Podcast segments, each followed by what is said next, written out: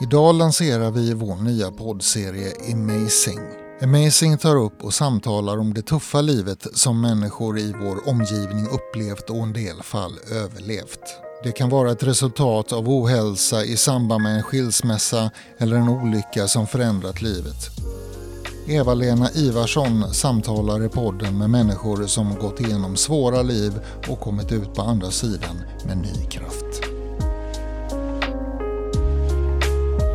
Då så, då är ni välkomna till premiären av podden Amazing. Podden är ett samarbete med Connect Point och vi laddar upp en ny podd i Amazing-serien varje onsdag morgon. Idag får vi möta och lära känna Gun-Britt Florin som är pensionär och inte vill sluta arbeta. Hon har utsatts för narcissism i sin närhet och brinner nu för att hjälpa personer som lever som medberoende i ett ohälsosamt förhållande. Hon är också ICT-terapeut och bedriver verksamheter med bland annat regndroppsmassage och lymfpromenader. Så, då har jag med mig Gun-Britt Florin här ifrån Falkenberg. Det ska bli himla trevligt att få höra dig berätta lite grann om det du har varit med om i livet och så. Välkommen Gun-Britt! Tusen tack för det. Det var trevligt. Eh, kan inte du berätta lite grann om dig själv till att börja med, vem du är och sådär för lyssnarna? Ja, eh, jag är en eh, pigg pensionär får man väl säga och um, har två döttrar, sex barnbarn och fyra barnbarnsbarn som jag älskar allt överallt på denna jord. Um, Eh, jag får väl säga att jag är glad att familjen blev så stor för jag är enda barnet själv. Så, ehm, och har inte så stor släkt. Jag har en kusin som jag umgås med också. Men för övrigt så är det bara jag och barnbarn och barnbarnsbarn. Och barn ja. naturligtvis. Ja, jag berättade det, eller presenterade det att vi är Falkenberg du bor. Det stämmer det va? Jag bor här nu, ja, men jag är ju från Göteborg. Och bott eh, som växelvis i Norge de senaste 20 åren. Trevligt. Eh, Norge där, eh, eh, var det länge sedan eller? Nej, jag, vi flyttade därifrån, eh, det blir snart två år sedan. Ja, det är så pass nyss. Ja.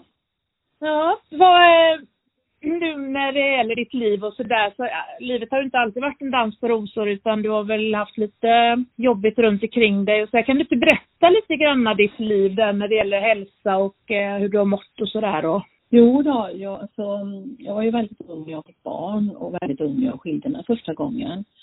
Och det ska jag göra på grund av att det var ett destruktivt förhållande så att eh, jag fick så gott som fly därifrån med mina två små barn. Och eh, sen så har jag utbildat mig efterhand och eh, läste in eh, realskolan på ett år och fick sedan jobb på Skandia. Ja. Eh, började på korrespondensavdelningen och sen så jobbade jag som, fick utbildning då och blev skadereglerare. Och jobbade med det i många år. Jag jobbade där i 34 år. Oj! Ja, ja så att um, det, det, var en underbar tid egentligen, en väldig trygghet för mig att jag hade det jobbet och underbara vänner som jag har fortfarande än idag. Men om vi går tillbaka där till, eh, du hade ett jobbigt förhållande säger du och sådär och eh, det kommer ju, vi ska ju prata lite grann om det här med eh, ja, det som du nu har utbildat dig till och du hjälper andra och sådär med. Kan du inte berätta lite grann kring det? Jo, alltså det började ju med då att när jag var i 50-årsåldern så tänkte jag så här att vad ska jag göra när jag blir pensionär? För jag kände inte att jag var pensionär. Det gjorde ju många kollegor och de bara längtade tills de skulle bli pensionärer. Men det gjorde inte jag.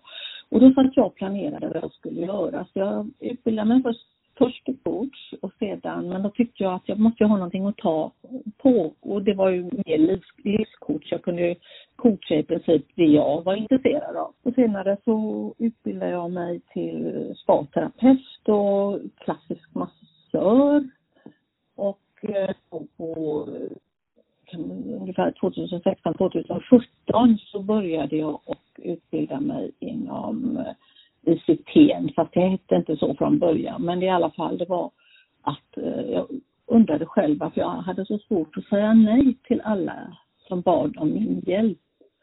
Mm. Jag måste ta reda på detta. Ja. Eh, eh, och då började jag. Och det har ju hjälpt mig enormt mycket. Och det har jag Mhm. hållit på med då sedan 2017 och så har jag vidareutbildat mig. Så jag är certifierad eh, ECT-terapeut med specialinriktning på medberoende till narcissister. Ja, och det var det, lite det jag syftade på där när det gäller vad, av vilken anledning det här med narcissister, vad, vad är, vad, hur kommer det sig att du har fastnat för det? Jo, för att jag upptäckte under min utbildning då att det var ju det jag hade haft som barn och inte visste. För att redan som barn så lärde man ju in olika beteenden för att klara sig i livet. Och för att undvika så många konflikter som möjligt. Så man blir ju mästare på att, eh, att, att göra saker för att vara andra människor till lags. Så det, var, det, var, det är ju det jag har hållit på hela livet och det fortsätter ju. Och sen så tar det ju lite tid innan man förstår innebörden av det hela. Så att eh, först men hur, ju- på vilket sätt har du erfarenhet av detta då? Eller liksom, Jo, alltså, jag, jag, jag har ju det på grund av att så som jag hade levt. Eh, och förstod sedan då, för att jag var ju, det var ju, alltså det är inte så många år sedan jag kom underfund med att det måste ju vara någonting som inte stämmer och det var ju det jag ville ta reda på. Och Ja. då kom jag i kontakt med eh, ICT. Och Mm. då, då lär man ju sig under utbildningens tid och då förstod Ja. jag ju mer och mer och då kunde jag ju se helheten varför jag Ja. betedde mig som jag gjorde, varför jag hade svårt att säga nej. Men Så du förstod aldrig att du levde i ett, liksom, du förstod aldrig att du hade varit i, varit i liksom, kontakt med någon som hade de här dragen då eller? Nej, jag gjorde inte det för att eh, när jag var barn, alltså jag avgudade ju min mamma eh, när jag var liten och Mm. eh, det får jag säga, det gjorde jag och eh, men sen så har jag ju förstått att jag trodde att det skulle vara så som vi hade det, men hon arbetade alltid, hon var aldrig hemma. Och Nej. Pappa jobbade nätterna så han fick sova på dagarna så att eh, när jag var liten då pratade jag om det. Mm. Att, eh, Och du var och, väldigt, eh, väldigt ensam då mycket, förstår jag. Ja, det var jag ju. Och, eh, men jag Mm. hittade ju på saker och ting för jag passade alltid barn.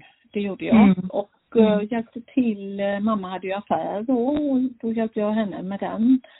Mm. Eh, och sen så hade jag andra släktingar som hade affär och, och hjälpte till lite där. Och det, jag var inte gammal när jag började med det. Så att, och en, när jag var 13 år jobbade jag i en familj en sommar och tog hand om deras lilla Mm. barn och laga mat och sådär. Så att jag alltid tyckt om att och, och hjälpa andra och arbeta och ja, det var tråkigt hemma. Det fanns ingen där Ja. och då hittade jag på saker själv att göra. Men hur, eh, hur kom, hur är liksom, hur mådde du under den här perioden i ditt liv innan du förstod vad det berodde på? Eh, alltså jag, jag väl eh, förträngt det tror jag. För att Mm. eh, jag, jag tror att det var, så var det.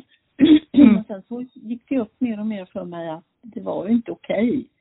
Nej. Eh, och det är ju en känsla man får till slut och, då, och den känslan följde jag och kände att eh, jag måste undersöka varför jag gör så Mm.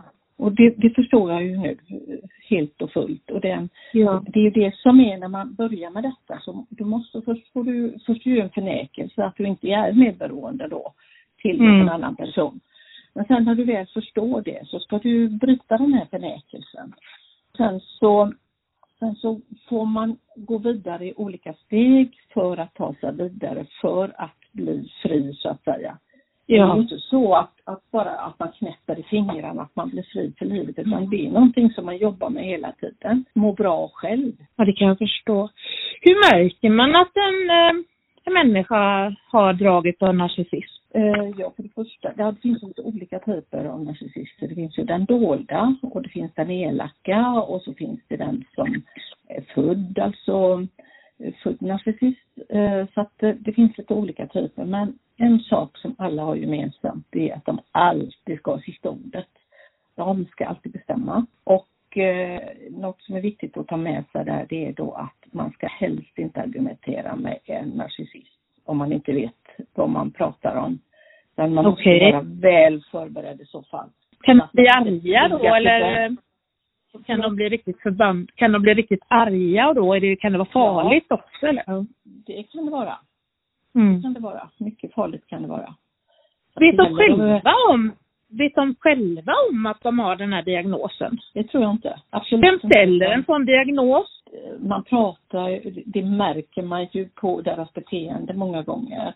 Det behöver ju inte vara den grövsta formen av narcissism. Det kan ju vara det kan ju vara inslag av den men det är ju väldigt ja. svårt att säga att den här personen är det, utan det kan, man säger väl mer att det är drag av Ja, det är inte så att man går till, eller att den personen får en diagnos från det är ingen läkare som sätter det liksom på papper. Det är inte så det fungerar med narcissism. Uh, det är inte vad jag vet utan då är det väl mer att de uh, kanske sätter diagnoser kanske istället ja. uh, som till exempel borderline eller andra. Men, men jag, det kan inte jag för jag, jag kan säga så här, jag, vi som jobbar med detta, vi jobbar inte med narcissister utan vi hjälper de som har varit utsatta för narcissister. Just det. Nej, för jag är så nyfiken just kring detta. Finns det någon som kan bli hjälpt eh, utav någon medicin eller någonting eh, om man är narcissist? Är det någonting som du har överhuvudtaget funderat på eller stött på frågan eller när jag lärt dig era kurser? Nej. Det vet jag inte. Det, det, ingen aning men det kan ju vara så att de har någon form av medicinering som de inte har talat om. Ja, och, eller, så, eller så har de inte det. De bara kör sitt race så att säga och eh, ska ha sin vilja igenom till varje pris. Och det, det som är, är också det att om man anförtror sig åt en narcissist så, mm. om man är ledsen och har någon svaghet eller så, så använder de ju det emot den senare. Så, att, eh, ja. så därför är det också viktigt att man är på sin plan ja. att det kan vara så, då ska man absolut inte anförtro sig. Men, Ingenting, utan bara tyst. Prata ja. med någon annan istället för att få hjälp. Hur är de? Eh, är de ofta sådär så typ som man skulle kunna känna sig som lite sol och vårad eller hur är det med dem? Är de väldigt charmiga och så? Oftast, ja, eller? Eh, till att börja med är de, det är ju kärleksbombning till att börja med. Och mm. eh, allt är ju så bra tills de har fått kontroll på mm. sitt offer kan man säga då, eller på den ja. personen som eh, de har ett förhållande med. Och det, det behöver inte vara, det kan vara en chef, det kan vara en vän. Alltså det, det är inte bara män, det är ju lika vanligt bland kvinnor. Det är bara att man tror inte det, men det finns väldigt många kvinnor som har beteendet också. Det är ju jätteintressant det här. Nu nästan man blir så här som man skulle vilja kolla upp lite forskningar och sånt där. Ja. Om det beror på något speciellt eller att man bara föds så. Ja. ja. Är det ärftligt? Nej, det kan det vara. Men um, det kan det vara. Absolut. Mm. Mm. Och sen så uh, kan vissa människor ha lärt sig det också. Så att, uh, men jag menar det kan ju vara syskon som är helt olika. Och på en, en som är det och en som är precis raka motsatsen. Så att ofta är det ju så att det kanske är en i familjen då som har utvecklat det, det är flera barn. Men alltså, den biten går inte jag in på, den jobbar inte jag med. Utan det jag jobbar med det är att hjälpa de människorna som har varit utsatta. Och ja. visa dem att det går, det finns en möjlighet att bli hjälpt så att man inte fortsätter. För att det är så här att människor då som sitter fast i den här offermentaliteten, för det är ju då en medberoende, ja. tror, tror att livet är emot dem snarare än eh, med, dem. Va? Och som mm. resultat ehm, så, så, så, kan de känna att de känner sig utsatta, att de och har ett förhållningssätt till livet där man tenderar att betrakta sig själv som den som alltid blir utsatt för andras negativa handlingar. Ja. Medan, medan andra människor blir, eh, inte blir utsatta för de sakerna. Så att eh, i grund och botten är offermentaliteten ett slags undvikande för att slippa ta ansvar för sig själv och sitt liv. Mm. Det, det, har också en vinkling på de som blir utsatta. Så det, man är, alla beter sig inte på samma sätt av de beroende så att säga. Har du hela familjer och sånt som du ibland också har? Är det, eller är det en person du oftast pratar med eller kan det vara flera barn och sånt Nej. också? Nej, Nej en person, en person bara. Mm. Mm. Och det är bara de, den medberoende själv som ska bli hjälpt. För det är ju den som behöver ta sig ur det här beroendet. Det är bara den som det är fokus på. För många som kommer eller tar kontakt, de kan säga så här, ja men den och den i familjen, ja men då, då, då säger jag så här att nej men det är dig vi ska fokusera på nu, för det är dig vi pratar om. Så att um, då, då gör man det. För det, annars så, då kommer du ingen vart. Det är där som gäller förnekelsen och, och att man ska bli fri från den, för det är kognitivt beteende, alltså man tror att man um, man funderar ut olika saker som man tror beror, att detta beror på. Och det är då ja. det blir fel. Och för att komma till rätta med detta så måste man gå till roten med det. Och det kan ta olika lång tid beroende på hur djupt detta sitter hos vederbörande. Kan det vara så att man eh, behöver verkligen eh, hjälp eh, flera gånger? Ja, det kan det vara. Det vill jag säga absolut. Mm. Och Sen så beror det ju på hur länge man har varit utsatt, det är klart. Och vilken typ av person man varit utsatt för i vilket sammanhang. Men, men alltså det viktiga är då i de sammanhangen att man inser och bryter. Man kan aldrig få det att fungera bra. Och i de fallen där det är barn inblandade så är det tufft alltså. Ja, för det tror jag det. Det är, det är klart att eh, för du försöker ju hjälpa dem till att ta sig ur det här förhållandet och då blir det ju en skilsmässa eller en flytt och sådär också såklart. Och Ja, men det är ju inte ja. jag som bestämmer det utan det är ju alltid klient, klienten som bestämmer det. De ja. måste ju ta och väga för och emot. Mm. Det kan vara svårt att kanske bestämma sig för att bryta om man mm. har barn med. Så det, det, det, det är inget som jag kan ta beslut om. Utan det Nej. måste ju klienten göra själv. Mm. Men är det vuxna barn och i olika sammanhang, alltså man kan inte, man kan inte sätta finger på att så här gör vi varje gång.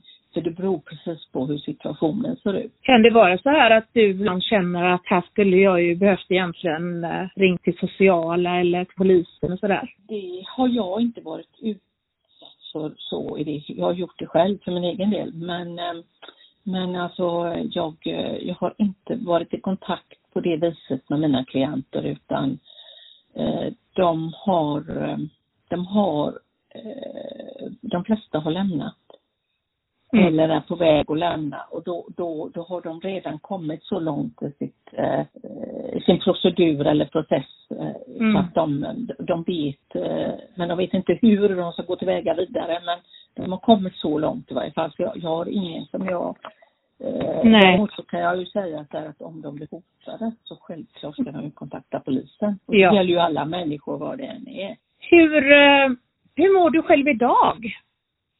Jag mår bra. Jag mår Härligt. faktiskt ganska bra trots att det regnar idag. Ja. Men jag mår, jag mår uh, härligt, känns det som, för att um, uh, ja, jag ser fram emot uh, ett fint samarbete där jag är med nu och vi gör mycket roligt och det händer mycket roligt i livet så att um, jag ser verkligen ja. glädjen spira. Ja, härligt. Och du känner att du har, eh, du har liksom gått vidare nu när det gäller då det här, ja, du har haft, eller märker du idag fortfarande att det hänger i lite granna, att du är liksom, ja, det har ju påverkat dig i livet förstår jag ju såklart. Ja. Är det någonting man kommer ifrån någon gång tror du, eller tror du att man alltid känner lite granna så här samma? Mm, Nej, Eh, när man kommer ifrån det, absolut, det gör man ju. Mm. Eh, ja. det är lätt att gå i samma fälla igen. Så man får vara väldigt observant och man ska aldrig säga ja direkt utan man ska tänka kanske en eller två dagar innan man beslutar någonting. Och lite ja. beroende på vad det är som man ska ta ställning till naturligtvis. Mm. Och um, så att det, det är väldigt bra att man tänker efter mer än en gång kan man säga. Mm. Är, du efter, är, du, är du väldigt vaksam på folk nu för tiden? I och med att du... Ja, det är klart, det blir man ju. Det blir en mm. naturlig följd av det hela att man är vaksam på människor och eh, eh, tänker mer än en gång och lätt ehm, eh, alltså det är inte så, jag, så att jag dömer direkt sådär men jag är mer vaksam, ja det är jag absolut. Ja. Ja. nej men det förstår jag. Nej men det var ett jätteintressant eh, samtal det här med dig och jag eh, skulle gärna vilja att du berättar lite grann hur folk, om det är någon som känner att de faktiskt känner igen sig och att de är nog kanske utsatta för någon som har narcissism. Kan de vända sig till dig då eller? Absolut, de är hjärtligt välkomna att höra av sig och så ska vi hjälpas åt så gott vi kan. För det är ju inte jag som gör jobbet utan det är ju den som söker att den verkligen vill ha hjälp. Ja. Det är en, det är en process att gå igenom. Och eh, det, eh, jag märker ju det för det är några som, som ringer och så dröjer det ett tag och så hör de av sig igen och så bestämmer de sig för att nej, jag vill verkligen gå in för detta. Och Ja. eh, göra det jobb, ta det jobbiga, alltså möta det jobbiga för det är då Mm. man först får, blir hjälpt så att säga. Ja. Du Känna kanske sig kan berätta lite grann, en del kanske inte vet riktigt, eh, undrar, eller det kanske är lite försiktiga så, kanske inte vet riktigt hur du går tillväga, men man kontaktar ju dig då, det kan vi börja med först. Vart, vart Ja. hur når man dig? Du kan säga din hemsida Hallå. kanske? Ja, på min hemsida som är mitt namn, gunbrittflorin.se. Mm, ditt där telefonnummer kan kanske? Ja, 0768 47 60 07. Och man kan ju fylla i det då kontakt, eh, ja, där också då på hemsidan, ja. Ja. För det är ju inte Eh. alltid jag kan svara. Jag är ju inte alltid till hands. Så därför så Mm. är det ju väldigt bra om man kanske skriver där först så att jag kan kontakta när jag har möjlighet. Ja, det är klart. Och- Ja. Och sen hur, eh, hur, ja, hur går det till sen då? Du kontaktar dem och sen hur, första mötet? ja, och då är det ungefär en och en halv timme första mötet. Mm. Och sen så efterföljande möten brukar röra sig om en timme, lite drygt. Ja. Mm. Eh, Ja, alltså mellan en timme, det kan vara lite kort, kanske vara 50 minuter eller eh, 60, ja lite en timme och 10 minuter. Alltså, det är inte så viktigt, men omkring där brukar det ligga. Men det första mötet då frågar jag ju klienten hur den upplever sin situation så får den berätta. Så berättar jag för klienten.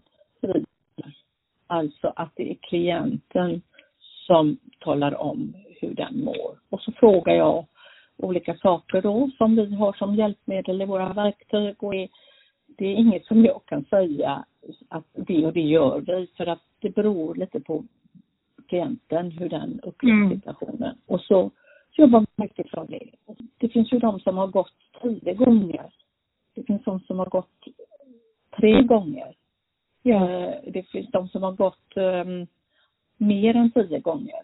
Och, Mm. Men tre, fem gånger är väl vanligt kanske. Men, Mm. men det måste klienten bedöma själv naturligtvis. Så att, att gå tre gånger ganska tätt är ju, då får man ju en kontinuitet i det hela så att man får eh, man, det börjar verka att man kan ta till sig det här som man vill ha hjälp med. Och detta är någonting som du kan, det gör du eh, online eller? Via Ja, telefon? ja, det är on- online. Och det kan jag säga det är nästan det bästa för att då har man inte ögonkontakt på samma sätt. Och för det, många gånger är det ju skamfyllt att berätta om vissa saker.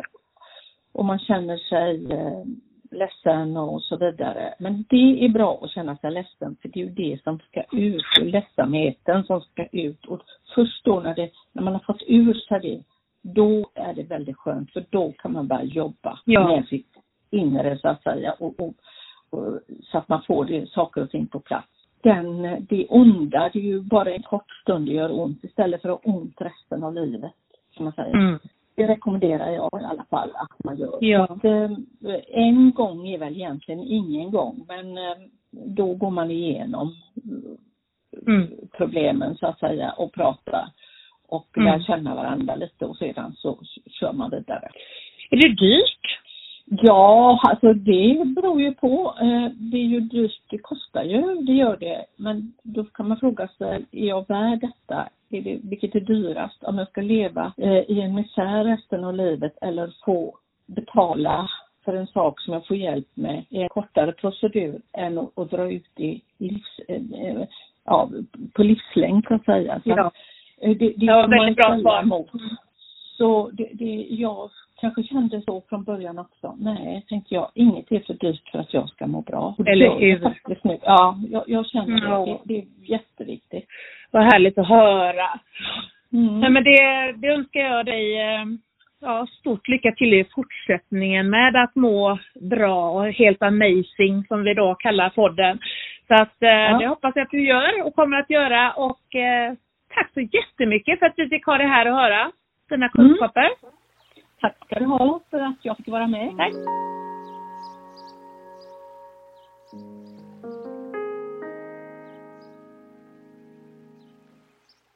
Vi som gör podden är Eva-Lena Ivarsson och jag, Christer Berggren.